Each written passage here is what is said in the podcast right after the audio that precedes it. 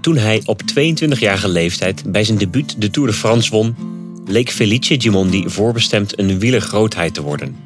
Maar de doorbraak van Eddy Merckx zorgde ervoor dat de Italiaan voor eeuwig in diens schaduw zou staan. Voordat de machtsverhoudingen tussen de kannibaal en hem vastkwamen te liggen, slaagde Gimondi er in 1966 nog wel in de Belg te verslaan in de koers door zijn geboortestreek, de Giro di Lombardia.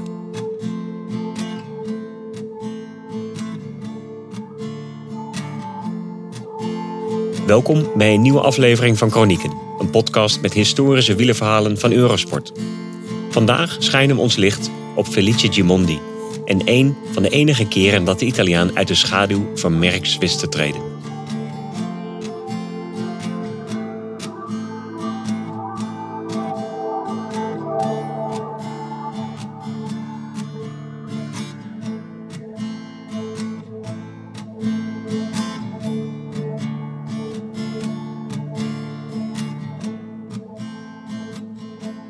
Gloriedagen van Coppi, Bartali en Magni waren voorbij, terwijl de bittere rivaliteit tussen Francesco Moser en Giuseppe Saroni nog slechts toekomstmuziek was. Gastone Nencini had de Tour van 1960 gewonnen, maar daarna volgden vier overwinningen op rij van Anquetil. Tegen de tijd dat Gimondi in 1965 debuteerde in de Tour, was Nencini al met wielerpensioen en dachten de tifosi dat ze een nieuwe held gevonden hadden in Vittorio Adorni die zojuist de Giro had gewonnen. Zeker gezien de manier waarop Gimondi Raymond Poulidor bij zijn debuut versloeg, moet het destijds onvoorstelbaar hebben geleken dat de Italianen daarna 33 jaar moesten wachten tot Marco Pantani in 1998 de volgende landgenoot werd die het geel naar Parijs bracht. Hoe kon het gebeuren dat die jonge Gimondi nooit meer zou zegevieren in de Ronde van Frankrijk? Daar is maar één simpel antwoord op: de doorbraak van de kannibaal Eddy Merckx. Gimondi werd geboren in 1942 in het dorpje Sendrina, in de provincie Bergamo, slechts een paar kilometer van het parcours van de Ronde van Lombardije. Felice was de zoon van een vrachtwagenchauffeur en de eerste vrouwelijke postbode van zijn geboortedorp. Mama Gimondi deed vaak haar rondes op de fiets, in een tijd waarin zulk gedrag nog streng afgekeurd werd. Kort voor haar dood in 2013, op 103-jarige leeftijd, vertelde ze aan een plaatselijke journalist dat haar rondes sommige buurtgenoten zo van streek maakten dat de priester meermaals naar buiten snelde om haar te berispen. Als het op de fiets van zijn moeder was dat Gimondi voor het eerst de trappers ronddraaide, terwijl hij haar hielp pakketten te bezorgen in de steile heuvels, was het door zijn vader dat hij de liefde voor het wielrennen opvatte. Zodra de koers door hun streek kwam, nam Mosè de jonge Felice mee om de grote sterren van de gouden tijd van het Italiaanse wielrennen te bewonderen. Hij was nog te jong om zich Coppi's eerste vier overwinningen in Lombardije te herinneren, maar zijn recordbrekende vijfde overwinning in 1954 vond een maand na zijn twaalfde verjaardag plaats. En een van Gimondi's eerste herinneringen aan het wielrennen was de stormachtige aanval van de Campionissimo. Gimondi smeekte zijn vader om een fiets voor hem te kopen, maar de Gimondis hadden het niet breed. Het geluk lachte de kleine Felici toe, toen een leverancier in plaats van geld een racefiets aanbood om zijn rekening te voldoen. Voor schoenen hadden ze daarmee echter nog geen geld en dus moest hij aanvankelijk nog wel blootvoets op zijn nieuwe fiets rijden. Zijn eerste overwinning volgde op 1 mei 1960, enkele maanden nadat de vroege dood van Coppi Italië had geschokt. Binnen drie jaar had Gimondi een sponsorovereenkomst met Bianchi, nadat de voormalige mechanicien van Coppi hem had benaderd om voor het amateurteam van de fietsfabrikant te koersen. Na zijn eindzege in de Tour de l'Avenir kon Gimondi in 1965 zijn eerste profcontract ondertekenen, de Salvarani. Gimondi zal acht jaar lang uitkomen in het iconische lichtblauwe Salvarani-shirt, terwijl hij in die tijd ook het geel, roze en de Italiaanse tricolore zou dragen, voordat hij terugkeerde naar het klassieke hemelsblauw van Bianchi en uiteindelijk ook nog de regenboogtrui aan zijn collectie zou toevoegen. Stijlvol, elegant en gracieus, zowel op als naast de fiets, En met zijn donkere, wilderige, golvende, naar achteren gekamde haar leek Gimondi op een personage uit een Fellini-film. Bijgenaamd de Phoenix reed hij met kracht, snelheid en elegantie. En zou hij een nog iconischere status verworven hebben als zijn belangrijkste rivaal niet in elk opzicht net dat beetje beter was geweest. In zijn derde profkoers eindigde Gimondi als tweede in de Waalse pijl. Tweeënhalve week later stond hij aan de start van de Giro, waar hij zijn teamgenoot Ardorni ondersteunde bij het veroveren van de Maglia Rosa en daarbij zelf naast hem op het podium als derde eindigde. De 22-jarige zou daarna eigenlijk geen deel uitmaken van de toerploeg van Salvarani, maar hij werd op het allerlaatste moment ingevlogen, nadat een van zijn teamgenoten zich had teruggetrokken. Zo laat zelfs dat hij toestemming moest vragen aan zijn vader om naar Frankrijk af te reizen. Gimondi hoefde niet lang te wachten op een eerste succes in Frankrijk, want al in zijn derde toeretappe kwam hij in Rouen als winnaar over de streep. Aan die zegen hield hij zelfs meteen de gele trui over. Hij behield het geel tot de zevende etappe naar La Rochelle, toen hij moest wachten op zijn kopman Adorni, die was gevallen. In afwezigheid van de vijfvoudig kampioen Anquetil werd verwacht dat Raymond Poulidor eindelijk zou winnen. Maar toen Adorni zich in de Pyreneeën terugtrok met maagklachten en Gimondi vrij baan kreeg om voor zijn eigen kansen te gaan, nam de jonge Italiaan al snel weer de leiding. Dankzij een solide vierde plaats op de Mont Ventoux beperkte hij zijn verlies op winnaar Poulidor, die hem wel op iets meer dan een half minuut naderde in het klassement. Gimondi hield echter stand in de Alpen en liep vervolgens in de door hem gewonnen tijdrit naar Le Ravard meer dan een minuut uit op Poulidor.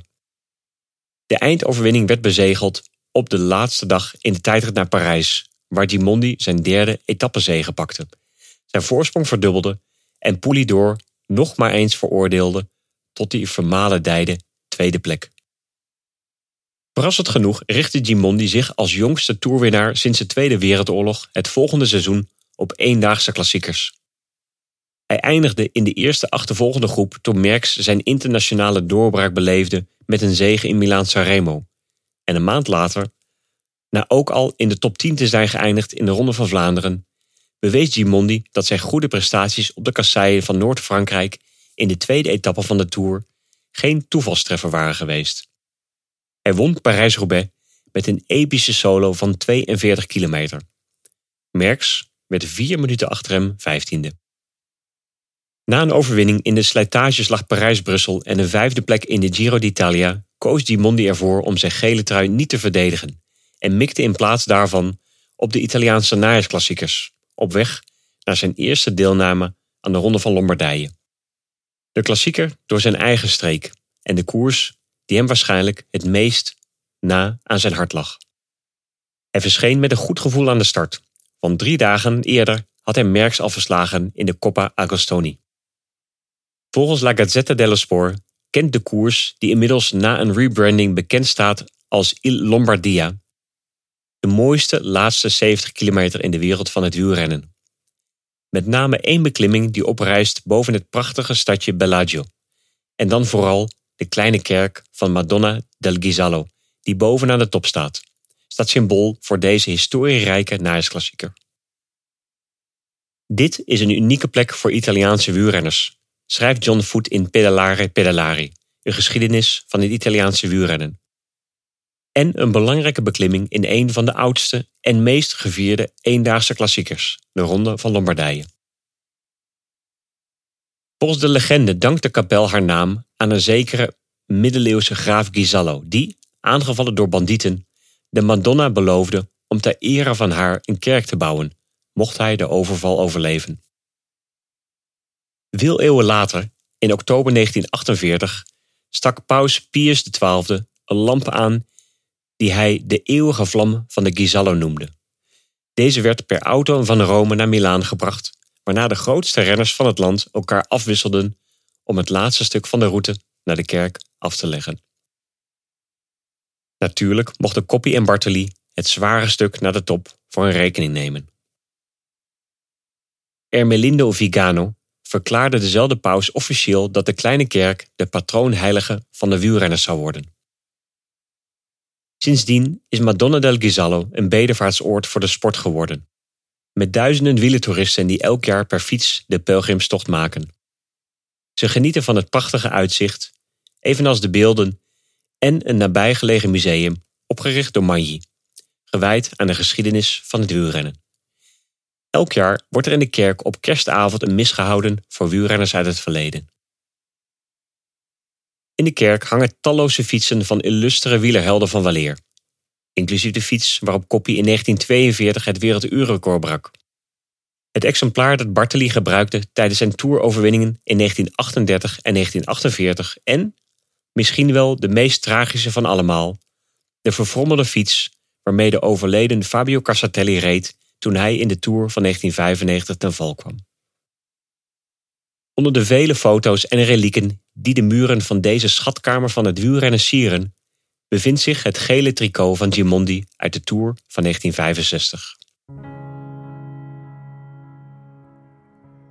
Terwijl het parcours, met name de start- en finishplaatsen van de Giro di Lombardia, in de loop der jaren is veranderd, is de koers altijd trouw gebleven aan de Madonna del Ghisallo. En in de kerk staat ook de Bianchi-fiets waarop Gimondi de Giro d'Italia van 1976 won. Hoewel dat ver vooruit loopt op ons verhaal. Waar we ons nu bevinden in dit verhaal moest de Phoenix nog zijn stempel drukken op zijn eigen klassieker. Op 22 oktober 1966 vertrok het peloton om kwart voor negen uit het mistige Milaan voor de 60ste editie van de Giro di Lombardia. Onmiddellijk ontsnapte er een groep van 19 renners, met als opvallendste renners Peugeot-teamgenoten Merckx en Simpson, de titelverdediger.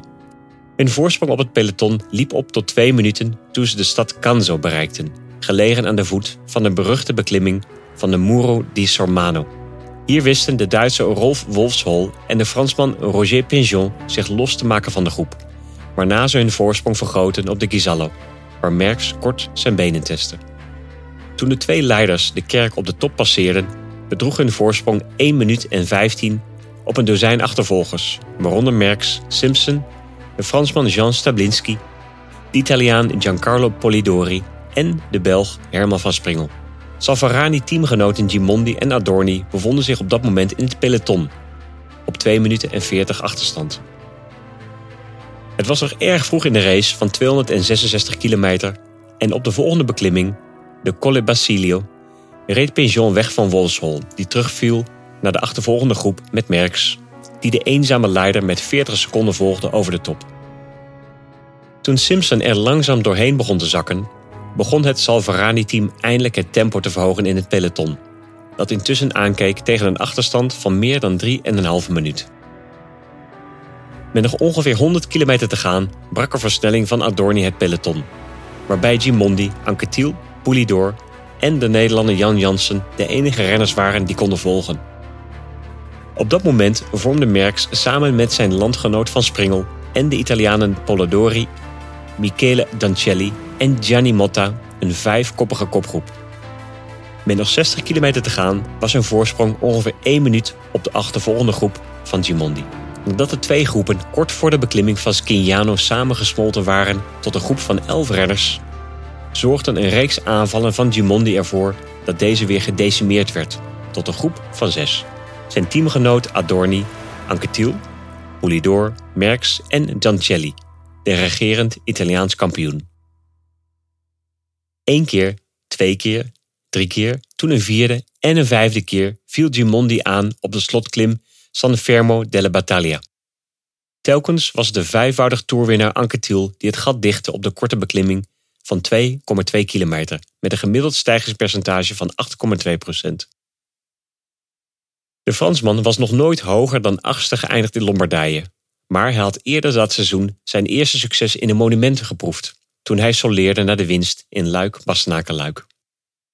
Ondanks de inspanningen van Gimondi kwamen de zes renners dus samen aan op de Sinigalia wielerbaan van Como. Bij het binnenrijden van de arena raakte Merckx aanvankelijk wat achterop, nadat hij gedwongen werd in de remmen te knijpen, toen hij bijna de macht over het stuur verloor op een hobbel in de weg. En in zijn poging weer vooraan te komen, vond hij zijn pad deskundig geblokkeerd door Adorni, die zijn toekomstige Faema-teamgenoot aan de binnenkant geen ruimte gaf er voorbij te glippen. Terwijl Doncelli de sprint op gang bracht in zijn Italiaanse tricolore, had Adorni hem aangetrokken voor Gimondi, die zijn ploegenoot al snel voorbij stak. Merckx moest flink uitwijken toen Adorni achter Gimondi een gat liet vallen. Door zijn elleboog uit te steken en zo de deur voor de Belg dicht te gooien, voerde de slimme Italiaan het wielren-equivalent uit van een professionele overtreding in het voetbal. Merckx moest zich vervolgens ook langs Poulidor wringen, die in de tegenovergestelde richting de baan afkwam in zijn uiterste poging om bij Gimondi en Dancelli te komen. De Belg legde een hand op het dijbeen van de Fransman om hem op zijn aanwezigheid te wijzen. Maar toen er eindelijk voor Merckx een opening ontstond, was het te laat. Hoewel hij op het laatste rechtereind nog dichtbij kwam, had Gimondi nog net genoeg kracht in zijn benen en met een halve wiellengte voorsprong kwam hij over de meet. En kon hij zijn vuist in de lucht steken. Zonder de manoeuvre van Adorni was de absolute dominantie van Merckx misschien net iets eerder begonnen. Maar nu was het dus nog de jonge Italiaan die met overwinningen in Roubaix en Lombardije een ongekende dubbel behaalde. Een prestatie die tot op heden alleen door Roger de Vlaming in 1974 en Francesco Moser in 1978 geëvenaard is. Merckx diende nog wel een klacht in bij de wedstrijdsjury, maar tevergeefs en de uitslag bleef staan. Hoewel de rollen nadien voornamelijk omgedraaid zouden zijn, was Gimondi ook het jaar erop nog niet helemaal klaar om de leiding over te dragen aan zijn nieuwe rivaal. In 1967 won hij de Giro met Merckx, die zijn debuut maakte in een grote ronde, op de negende plaats, op bijna 12 minuten achterstand. In de 14 grote rondes die de kannibaal in de rest van zijn carrière zou uitrijden, zou hij nooit lager eindigen. Elf ervan won hij. Bij zijn terugkeer in de Tour eindigde Gimondi als zevende en werd vervolgens door zijn landgenoot Bitossi beroofd van een tweede op een volgende overwinning in Lombardije, terwijl Merckx zesde werd. In april van het volgende jaar werd Gimondi na het winnen van de Vuelta pas de tweede wielrenner na Anquetil die de Grand Slam voltooide. Merckx zou niet veel later het derde lid worden van die eliteclub, die tot nu toe zeven leden telt. Op slechts 25-jarige leeftijd en pas in zijn derde jaar als prof had Gimondi het grootste deel van zijn carrière nog voor zich. Maar 1968 was ook het jaar waarin Merckx tot volle wasdom kwam. De 22 overwinningen van de Belg dat seizoen omvatten onder andere Parijs-Roubaix, de Volta a Catalunya, waar hij Gimondi versloeg dankzij een superieure race tegen de klok, en de Giro d'Italia, waar hij vijf minuten voorsprong had op zijn teamgenoot Adorni, met Gimondi negen minuten daar weer achter op de derde plaats. In de komende vier jaar zou Gimondi Merckx in geen enkele koers verslaan. Dat wil niet zeggen dat Gimondi compleet van het toneel verdween. Integendeel. Ondanks zijn Belgische plaaggeest bouwde hij een zeer respectabel palmares op en voegde hij daar in de loop van het volgende decennium niet minder dan 50 overwinningen aan toe, waarvan een tweede en een derde Giro-zege in 1969 en 1976 en de wereldtitel in 1973. Na eerder zilver te hebben gewonnen in 1971, achter Merckx natuurlijk, en brons in 1970, de mooiste waren. In 1973 won hij ook een tweede ronde van Lombardije, onder controversiële omstandigheden, en een jaar later ook nog Milaan-Sanremo. Zoals Voet schrijft in Pedalare Pedalare, Gimondi leek op een combinatie van Coppi en Bartali, zonder rivalen. Maar toen veranderde zijn leven door de opkomst van een van de beste renners aller tijden, een Belg genaamd Eddy Merckx. De rest van de carrière van Gimondi zou in de schaduw van Merckx staan. Merckx was zo dominant dat Italiaanse commentatoren al snel grapjes begonnen te maken over de gevolgen ervan voor de man die ooit de nieuwe patroon leek te worden. De aankomst van de etappe in de Giro d'Italia wordt om 15.30 uur uitgezonden voor Merckx en om 16 uur voor Gimondi, grapte iemand ooit. In zijn pogingen om tweede te worden achter Merckx was Gimondi altijd bereid om deals en allianties te smeden, schrijft Voet. Er was iets poëtisch aan de gracieuze manier waarop Gimondi zijn lot accepteerde.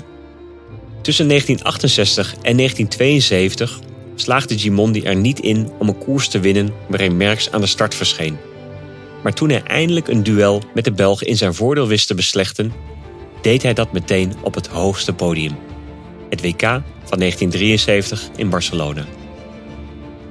Samen met Luis Ocaña en Freddy Maartens haalde hij Merckx in en versloeg diens een rappe landgenoot in de sprint om het goud.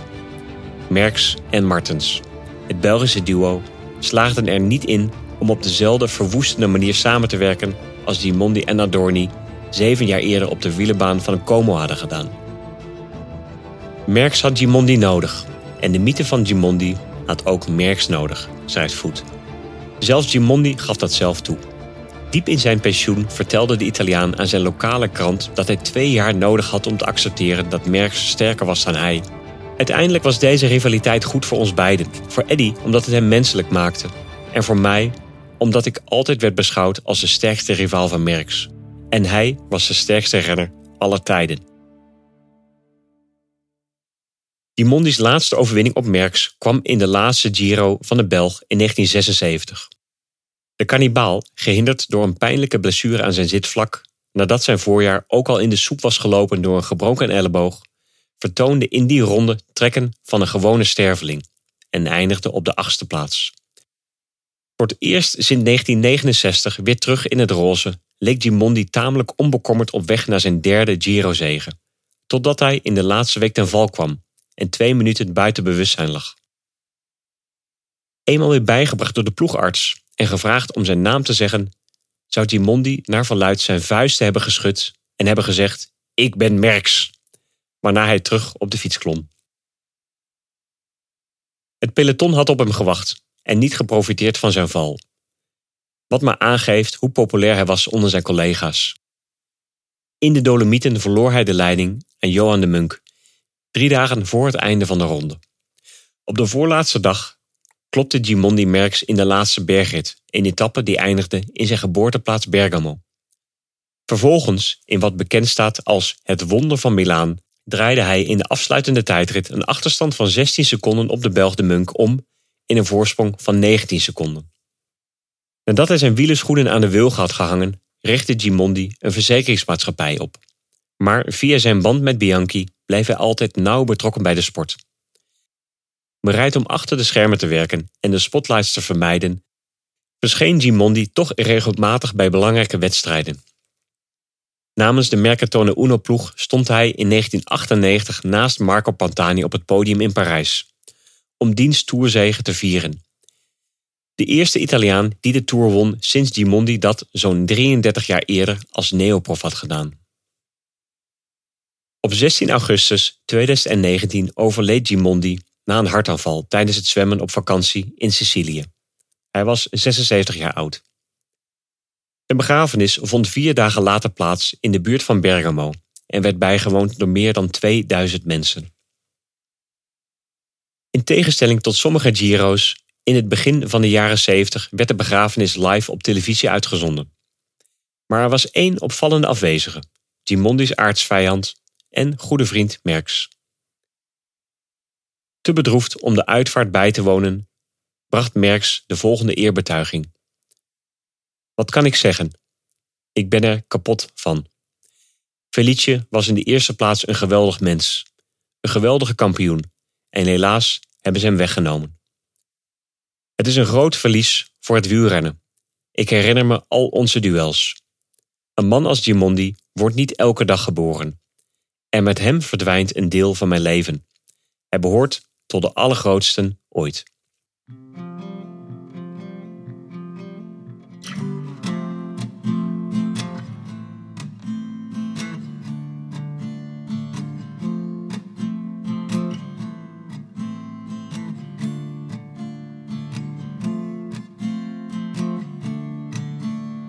Chronieken is een podcast van Eurosport, geschreven door Felix Low en verteld door mij, Karsten Kroon.